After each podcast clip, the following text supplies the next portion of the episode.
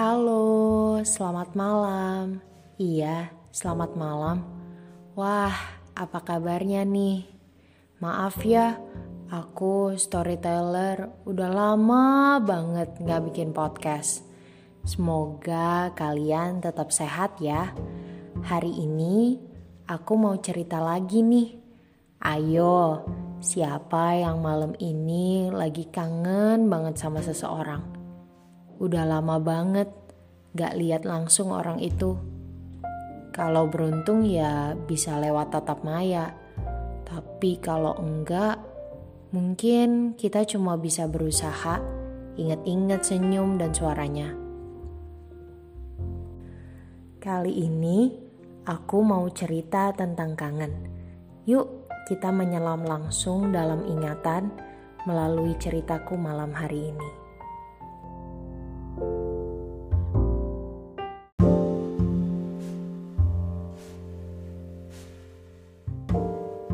Namaku Dio. Entah karena tempat duduk kafe yang terlalu nyaman atau rintik hujan yang datang membawa memori, tetapi aku teringat seseorang melalui matcha latte yang diiringi ketukan pelan hujan pada atap. Namanya Vina, perempuan cantik yang aku lihat saat pertama kali masuk SMA. Aku yang gugup dilelehkan oleh senyumnya yang merekah indah. Dia punya rambut keriting, yang membuatnya kesal setiap kali hujan datang. Matanya bulat dan besar, sehingga reaksinya sangat terpancar jelas dari matanya. Banyak yang bilang masa SMA adalah masa paling indah. Iya, indah. Temanku tidak banyak. Mereka baik, tapi tidak spesial. Vina, dia yang membuat segalanya spesial. Dia yang membuat segalanya menawan. Satu kelas dengannya selama tiga tahun membuatku hafal dengan suara kerasnya, tawa jernih yang menyipitkan matanya. Aku sering ikut tertawa kecil, meski tidak tahu apa yang sebenarnya ia tertawakan. Memori ini mengetuk lagi hatiku yang sudah lama kosong. Kafe sore itu remang-remang karena lampu yang terpantul sehingga kecoklatan. Kursi-kursi sekitar penuh dengan orang. Meeting, obrolan-obrolan ringan, hingga tawa terdengar samar.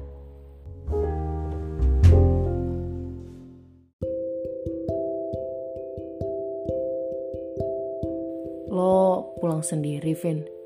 Tanyaku sambil menutup payung di bawah halte. Kulihat Vina yang terlihat mungil karena kedinginan. Iya sendiri, ini lagi nunggu bis. Tapi kok lama banget ya? Oh, rumah kita searah gak? Tanyaku. Kayaknya iya deh. Bareng deh kalau gitu, kataku sambil tersenyum.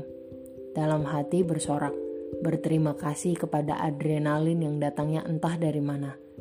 Akhirnya, aku bisa mengajaknya berbicara. Angin kencang membuatnya refleks mendekat ke arahku. Jantungku berdegup kencang, lebih kencang daripada badai sore itu. Eh, sorry, katanya terkaget dan sontak menjauh. Aku tertawa kecil melihat kecanggungannya. Kalau mau deket-deket, gak apa-apa kok. Cengirku kalem, dibalas dengan pukulan pelan di bahuku. Aku pura-pura kesakitan. Dia cemberut. Lebay, serunya. Kamu bisa merasakannya kan? Hawa dingin di halte bis sepulang sekolah itu menghangat. Ada beberapa kondisi di mana saling diam itu canggung. Tapi sejak saat itu, berdua dengan Vina tidak pernah ada rasa itu. Meskipun kami terdiam, ada gelombang kehangatan yang kental.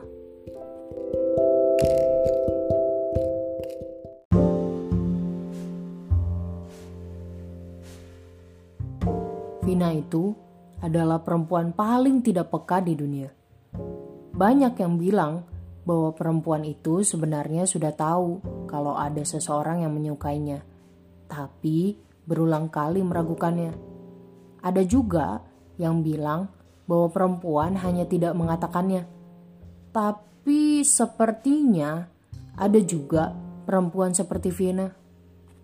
Saat ini aku bisa tertawa karena gemasnya aku saat itu. Tapi saat itu aku benar-benar tidak bisa tidur, memikirkan apakah aku masih kurang jelas atau dia benar-benar tidak tahu. Banyak cara yang kubuat untuk memperlama waktu yang dihabiskan bersamanya.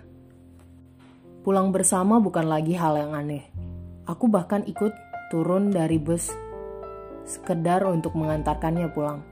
Jika ada kegiatan sekolah yang membuat kami pulang lebih sore. Sebenarnya, aku sudah mengirimkan sinyal kepada ayahku untuk mengizinkanku membawa motor ke sekolah. Tapi bendera merah terus berkobar. Iya, aku tahu. Aku adalah laki-laki culun yang hanya bisa mengambil rute lebih panjang untuk mengantarkannya pulang. Aku tidak punya motor, atau bahkan mungkin mobil untuk mengantarkannya pulang lebih nyaman. Kamu gak masalah kan kalau aku cuma nganterin naik bus? Kenapa emangnya? Kan kita masih sekolah. Kamu juga belum dibolehin bawa kendaraan sendiri. Lagian, naik bus bareng juga enak.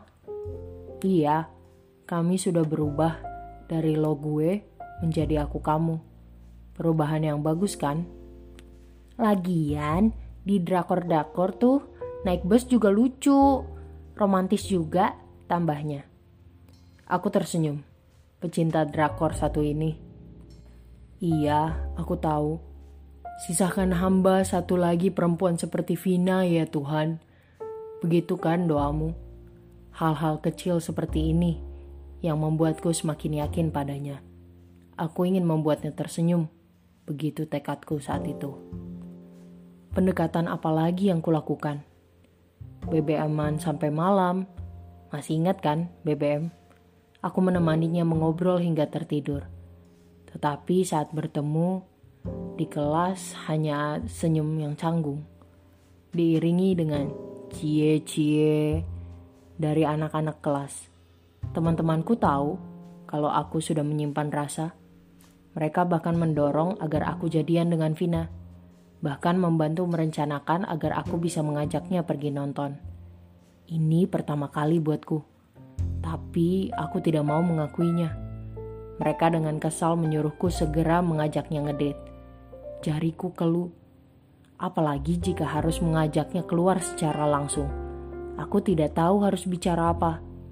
Mereka merebut HP-ku. Matilah Jantungku terhenti. Dia nggak mungkin menjawab langsung kan? Oke, mau nonton film apa?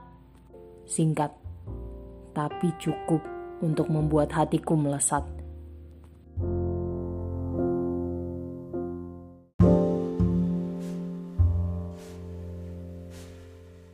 Ada seorang perempuan di seberang meja menatapku bingung. Sepertinya Tawa dalam hati malah diterjemahkan ke dunia nyata.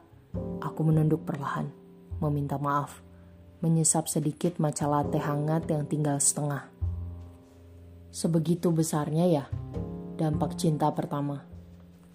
Aku melihat rintik yang berubah deras, sama seperti hari itu, di depan mall dekat sekolah, setelah menonton. Vina terlihat kecil di dalam jaket yang kupinjamkan um, Vin. Vina. Aku hmm, aku udah lama suka sama kamu. Dia terbelalak. Aku gak berani melihatnya sepenuhnya. Aku Dio. Dio serius? Iya jawabku pelan. Hmm, maaf, suaranya pelan, termakan oleh hujan. Petir membangunkan lamunanku. Sekali lagi kulihat hujan yang deras dengan satu tarikan nafas. Juga undangan pernikahan bersampul merah. Dengan nama Vina tertulis sebagai mempelainya. Dan namaku sebagai penerimanya.